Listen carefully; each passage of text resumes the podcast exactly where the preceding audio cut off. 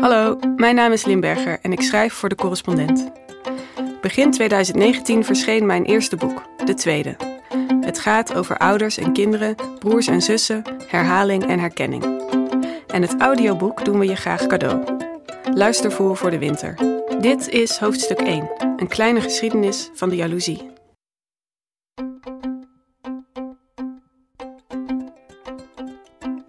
In de proloog vertelde ik dat ik me afvroeg wat de komst van de tweede zou betekenen voor de eerste. In het hoofdstuk dat nu volgt ontdek ik dat mijn grootste angst, dat de eerste jaloers zal zijn op de tweede, een lange geschiedenis heeft. Hoofdstuk 1. Er komt een baby bij. Een kleine geschiedenis van de jaloezie. In het voorjaar waarin ik in verwachting ben van mijn zoon, doet mijn vader mijn dochter een prentenboek cadeau. Er komt een baby bij, van John Burningham en Helen Oxenbury. De vertelling begint wanneer een jongetje van zijn moeder hoort dat ze een baby in haar buik heeft. Op de pagina's die volgen zijn de fantasieën verbeeld die zich in zijn hoofd ontspinnen. Wat zal er gebeuren als de tweede er is? In een van die fantasieën is de baby aan het koken en wordt de hele keuken vies. In een andere werkt de baby bij een bank en smijt hij letterlijk met geld. Even later verzorgt de baby de dieren in de dierentuin met chaos tot gevolg. Of de baby niet gewoon weg kan, wil het jongetje weten. We hebben hem toch niet nodig? Avond aan avond lees ik mijn dochter uit het boek voor. Ik probeer te peilen of haar gevoelens net zo gemengd zijn als die van de protagonist, maar ze geeft weinig prijs. Haar belangstelling gaat vooral uit naar de stippeljurk van de moeder, de grote koep ijs die de zoon in een restaurant geserveerd krijgt en de namen van de verschillende dieren in de dierentuin. Voor zover ik kan inschatten, gaat de boodschap aan haar voorbij, zijn alleen de details aan haar besteed. Ik vraag me af wie precies het beoogde publiek is van deze vertelling, wie er voorbereid moet worden en op wat. Het is misschien wel een van mijn vroegste herinneringen. Dat mijn zusje er ineens was. Bijna drie was ik en er heilig van overtuigd dat mijn ouders zich vergist hadden in haar naam. Van haar komst is me vooral die ontgoocheling bijgebleven, over dat ze eigenlijk anders heette en dat het niet in mijn vermogen lag de vergissing recht te zetten. In de jaren die volgden maakten mijn zusje en ik voornamelijk ruzie. Onophoudelijk, keihard en tot fysiek geweld aan toe. Jullie karakters botsten, is hoe mijn moeder het nu verklaart. Jij ergerde je aan mij, zegt mijn zusje. Misschien was ik gewoon jaloers. De eerste moord in de Bijbel, die op Abel door Kain, is het gevolg van broederlijke jaloezie. Veel van Shakespeare's plots draaien om jaloerse broers en zussen. En ook in de sprookjes van Grimm, waaruit ik mijn dochter geregeld voorlees, keert jaloezie tussen kinderen uit hetzelfde gezin geregeld terug. Het is een wonderlijke paradox. Hoewel we geloven dat het goed is voor kinderen om op te groeien met een broer of zus, vertellen we al eeuwenlang verhalen over hoe broers en zussen elkaar het leven zuur maken. Lang beschouwde ik mijn zusje als een indringster, schreef de Amerikaanse auteur Helen Keller in 1903. Ik wist dat ik nu niet meer moeders enige lieveling was, en die gedachte maakte me erg jaloers. In haar autobiografie vertelt Keller over de keer dat ze, in een vlaag van woede, de wieg met baby en al omverwierp. Mijn zusje had wel dood kunnen zijn als mijn moeder haar niet had opgevangen. Een dik, monsterlijk wezen had plotseling de hoofdrol ingenomen.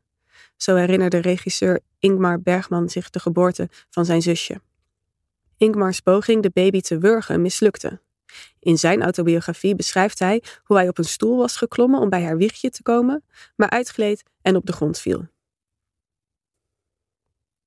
Een vriendin, net als ik de oudste thuis, vertelt over een oude videoopname waarin haar jongere zusje, die net leert lopen, trots van de stenen keukenvloer overeind krabbelt en richting de camera wankelt, om vervolgens bruut door het gebalde vuistje van mijn vriendin op haar hoofd te worden gestompt of de baby niet weg kan. We hebben hem toch niet nodig? Voorafgaand aan mijn tweede zwangerschap zag ik in de uitbreiding van ons gezin alleen maar voordelen voor mijn dochter. Ik dacht steeds aan mijn zusje en mijzelf. Dat niemand zo precies weet waar ik vandaan kom als zij, dat er niemand is met wie ik zo goed over mijn ouders kan roddelen als met haar, en dat het zo prettig is om op die manier gekend te worden, en om iemand op die manier te kennen. Voor mijn dochter wenste ik hetzelfde: een bondgenoot. Maar nu het voorjaar op zijn eind begint te lopen en die bondgenoot zich bijna aandient, merk ik dat mijn gedachten verder teruggaan, naar onze kindertijd. En dan wordt het beeld minder fraai.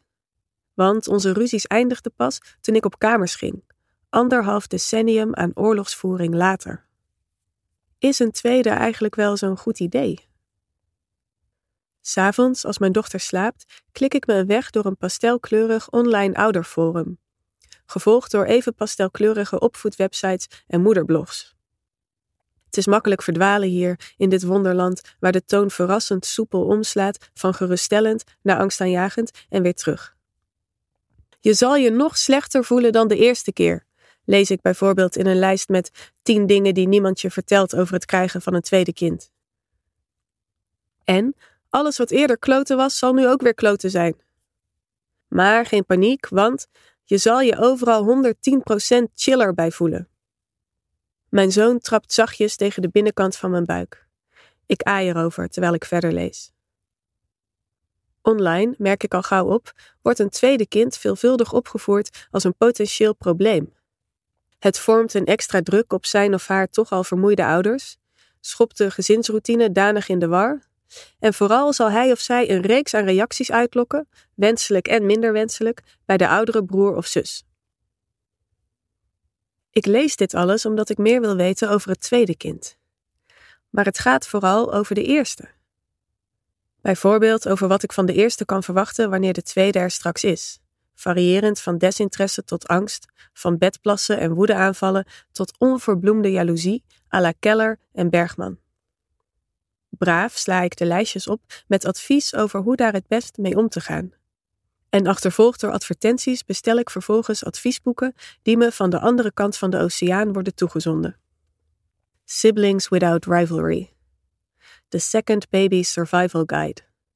How to Stop the Fighting. De titels zijn veelzeggend, alsof rivaliteit en ruzie een norm zijn waar alleen met moeite van afgeweken kan worden. Alsof er een aanzienlijke kans bestaat dat de tweede baby ons gezin de nek zal omdraaien alsof het overleven wordt als hij er straks is. Mijn vriend, die nuchterder is dan ik en zich een overwegend vredelievende jeugd met niet één, maar zelfs twee zussen herinnert, trekt zijn wenkbrauwen op wanneer de boeken worden bezorgd. Hoeveel meer, vraagt hij zich af, kan die extra literatuur ons vertellen? Ik zeg dat ik het kalmerend vind, dezelfde informatie die steeds net iets anders wordt geformuleerd. Apocalyptisch, maar overzichtelijk, en vol praktische tips. Alsof er ergens een universele handleiding voor de komst van de tweede bestaat, een oergebruiksaanwijzing voor de komende maanden. Zo is er het advies om onze dochter op tijd voor te bereiden op wat er staat te gebeuren. Dit kunnen we doen door over de baby te praten als een echt persoon en door voor te lezen uit boeken als Er komt een baby bij we moeten haar duidelijk maken, herhaal ik tegen mijn vriend, dat de komst van een tweede niet betekent dat zij minder geliefd is. En dat haar niets door de neus geboord wordt bovendien. We kunnen daar vast mee beginnen door haar foto's te laten zien van toen ze zelf een pasgeboren baby was. Zodat ze weet dat ook zij ooit melk uit een borst dronk. Dat ook zij ooit door grote mensenhanden in een klein badje werd ondersteund. Mijn vriend knikt, welwillend. Cadeautjes zijn altijd goed, lees ik ergens. En omdat ik me er niet al te makkelijk van af wil maken, bezoek ik op een bloedhete middag aan het einde van de lente een hysterische speelgoedzaak aan een drukke winkelstraat. Ik navigeer richting het roze, op zoek naar een babypop die we haar straks namens haar broertje kunnen geven. Een geschenk om het ijs te breken wanneer hij er eenmaal is. Het exemplaar dat ik kies is klein, met onschuldige ogen en een zacht mutsje op zijn hoofd een guitig, aaibaar vredesoffer. Aan de kassa zie ik mezelf staan, zwanger en zwetend, pogend een conflict te smoren dat zich nog niet eens heeft voorgedaan. Later, veel later, zal ik de pop terugvinden, naakt en zonder muts, liefdeloos achtergelaten op de bodem van een speelgoedmand. Ik zal me herinneren dat het offer mijn dochter van meet af aan nauwelijks interesseerde, dat ze haar broertje veel spannender vond. Het zal me duidelijk worden dat het cadeau misschien vooral veel over mij en mijn verwachtingen zei en vrij weinig over mijn kinderen. Ik zal me afvragen hoe terecht ze eigenlijk was, mijn angst voor jaloezie. Maar zover is het nu nog niet.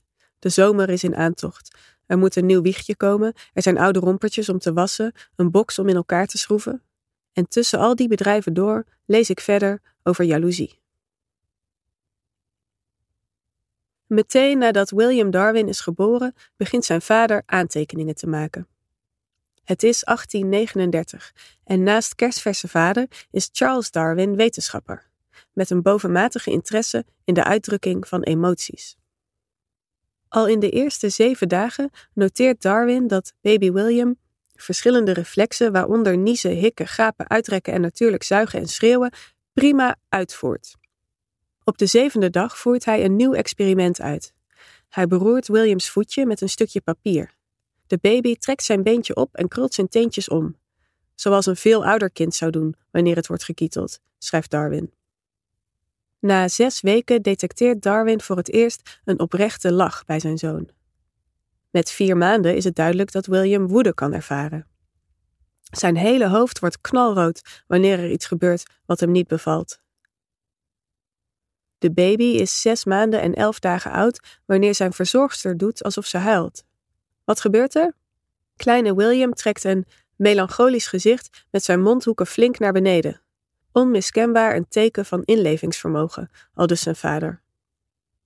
En wanneer William 15 maanden oud is en zijn zusje Annie wordt geboren, ontdekt Charles, terwijl hij de tweede in het zicht van de eerste verschoont, dat zijn zoon ook jaloers kan zijn. Jealousy, noteert hij, was plainly exhibited. Hoe dat er precies uitziet, meldt hij er niet bij. Vele jaren later, wanneer Darwin zijn aantekeningen publiceert in het vakblad Mind, voegt hij eraan toe dat Williams jaloezie met 15 maanden betrekkelijk laat tot uiting kwam. Hij vermoedt dat ze met enig experimenteren al veel eerder tevoorschijn getoverd had kunnen worden. Darwin had gelijk, lees ik in een vuistdik academisch compendium dat klinkklaar Handbook of Jealousy heet. Wetenschappers zijn het er nog niet over eens wat jaloezie precies is. Een emotie of een cognitie, of meer een toestand die meerdere emoties tegelijk behelst, waaronder woede, angst en verdriet. Wat ze inmiddels wel weten, is dat het opspeelt wanneer we bang zijn iets of iemand te verliezen aan een ander. Het is in die zin een nuttige emotie, zeggen evolutionair psychologen. Jaloezie spoort ons aan dreigende of daadwerkelijke ontrouw af te weren. Dat is handig als je je geliefde voor jezelf wil houden. Maar het is ook handig voor baby's en kleine kinderen die de aandacht van hun ouders willen vasthouden bij de komst van een broertje of zusje. Psychologen die aan het begin van deze eeuw baby's van amper zes maanden oud lieten toekijken terwijl hun moeders levensechte babypoppen vasthielden, zagen dat die baby's pruilden, fronsten of huilden. Hielden de moeders in plaats van een pop een boek vast, dan reageerden de proefpersoontjes een stuk minder geagiteerd. Tot zover weinig verrassend misschien. Al in de derde eeuw na Christus beschreef Sint Augustinus een baby die nog niet kon praten, maar die, met een bleek gezicht en met nijdige blik, naar zijn broertje keek die de melk van zijn moeder deelde. En wie, voegde Augustinus daar retorisch aan toe, is er niet met dit bestaansfeit bekend? Wat wel nieuw is, lees ik in het Handbook of Jealousy, is de slechte reputatie die jaloezie tegenwoordig geniet. In de middeleeuwen werd jaloezie geassocieerd met het verdedigen van je eer en stond daarmee als positief te boek. Ook gold ze lange tijd als een vanzelfsprekende uiting van liefde en genegenheid. Darwin klassificeerde de jaloezie van kleine William dan ook als blijk van affectie. Dit bleef lange tijd zo. Tot en met de 19e eeuw lees ik in een hoofdstuk van historicus Peter Stearns, die er oude adviesboeken, brieven en tijdschriften op nasloeg, was jaloezie tussen broers en zussen simpelweg niet iets waar ouders zich druk om maakten. Het was niet bij me opgekomen dat de angst voor jaloezie een modern verschijnsel is. De adviezen die ik opdreun voor mijn vriend en mijzelf hebben betrekking op een dreiging die 150 jaar geleden niet eens als zodanig werd herkend. De omslag, schrijft Stearns, kwam aan het einde van de 19e eeuw. Toen verloor jaloezie haar positieve connotaties. Paste ze niet langer in een ideaalbeeld van de beschaafde volwassene die zijn of haar driften wist te onderdrukken. En omdat die beheersing niet vroeg genoeg kon beginnen, transformeerde de jaloezie tussen jonge broers en zussen van iets om als ouders je schouders over op te halen tot een probleem. Neem Sigmund Freud. Heel veel woorden maakte hij niet vuil aan de relatie tussen broers en zussen. Zijn interesse ging vooral uit naar de band tussen ouders en kinderen. Maar wat hij erover te zeggen had, was vernietigend genoeg. In zijn standaardwerk, De Droomduiding uit 1899, merkte Freud bijvoorbeeld op dat vijandige gevoelens ten aanzien van broers en zussen een aanzienlijk deel van iemands kinderdromen moesten beslaan. Later observeerde hij dat een kind dat op de tweede plaats wordt gezet door de geboorte van een broertje of zusje, zijn moeder niet snel zal vergeven voor het verlies van zijn positie.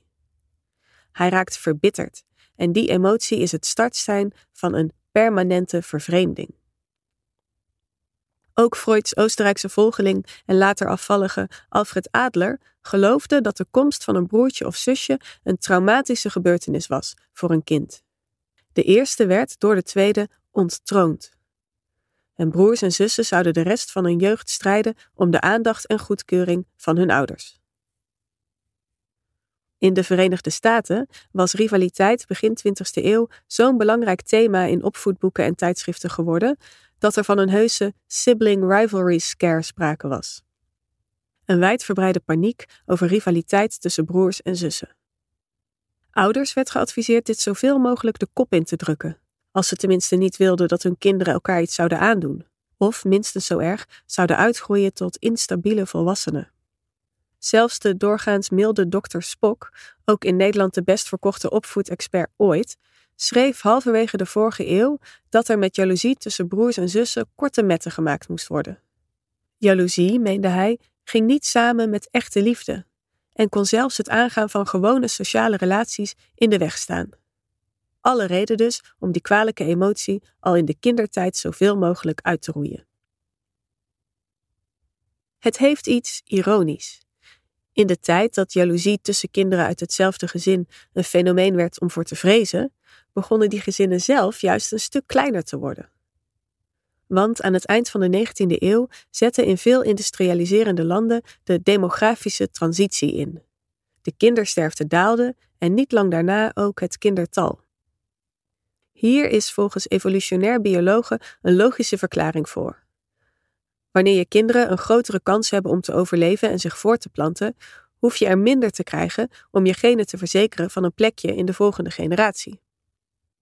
Bovendien, hoe minder kinderen je krijgt, hoe meer aandacht en tijd je per kind kan investeren. Het zou kunnen, speculeert Peter Stearns in het Handbook of Jealousy, dat kinderen meer behoefte kregen aan ouderlijke aandacht, juist doordat ze minder broers en zussen hadden om mee te spelen. En dat de rivaliteit tussen hen daardoor automatisch groter werd. In het Nederlandse tijdschrift De Vrouw merkte een opvoedcolumnist genaamd Nelleke al in 1899 op dat gekibbel waarschijnlijk het heftigst was in gezinnen met slechts twee kinderen, omdat de kinderen daar onophoudelijk elkanders gezelschap moeten verduren. Een derde element zou als bliksemafleider kunnen dienen. Maar vooral was de groeiende aandacht en vrees voor jaloezie tussen broers en zussen onderdeel van een nieuwe kijk op opvoeden. Een kijk die in het kielzog van de demografische transitie was ontstaan. Nu ziekte en een vroegtijdige dood niet langer de grootste bron van ouderlijke zorgen vormden, kwamen de psychologische ontwikkeling en het welbevinden van kinderen voorop te staan. Voortaan, zo lees ik in een naslagwerk over vijf eeuwen opvoeding in Nederland, wilden ouders aan ieder kind apart zorg en aandacht kunnen geven. Het was een van de redenen om de gekrompen gezinnen, zo aan het begin van de 20e eeuw, klein te houden. Het geven van voldoende zorg en aandacht gaat namelijk beter bij een klein aantal. Ouders waren dus plotsklaps verantwoordelijk voor het innerlijke leven van hun kroost.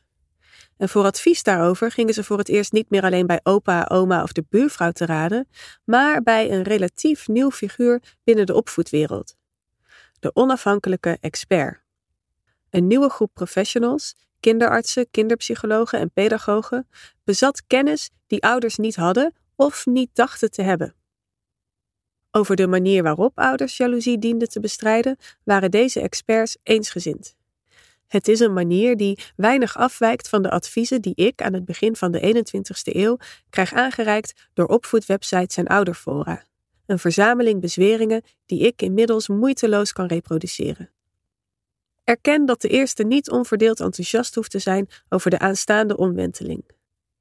Vertel opa's, oma's en ander kraambezoek dat ze zich vooral om de oudste moeten bekommeren. En reageert de eerste alsnog jaloers wanneer de tweede is geboren? Geef dan geen straf, maar smoor de emotie met al het begrip en alle liefde die je op kunt brengen. Het feit dat er in de loop van de 20ste eeuw opvoedexperts ten tonele verschenen die bepaalde adviezen uitdeelden, wil natuurlijk nog niet zeggen dat alle ouders het ook daadwerkelijk ter harte namen. Toch lijkt het me dat ouders zich door deze adviezen eerder machtelozer voelden dan zekerder van hun zaak.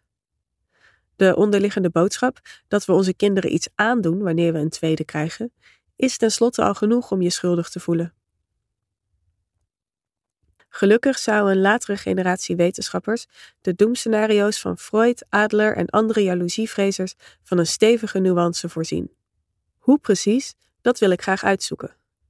Maar het is eind augustus en ik ben bijna uitgerekend. Dit was hoofdstuk 1.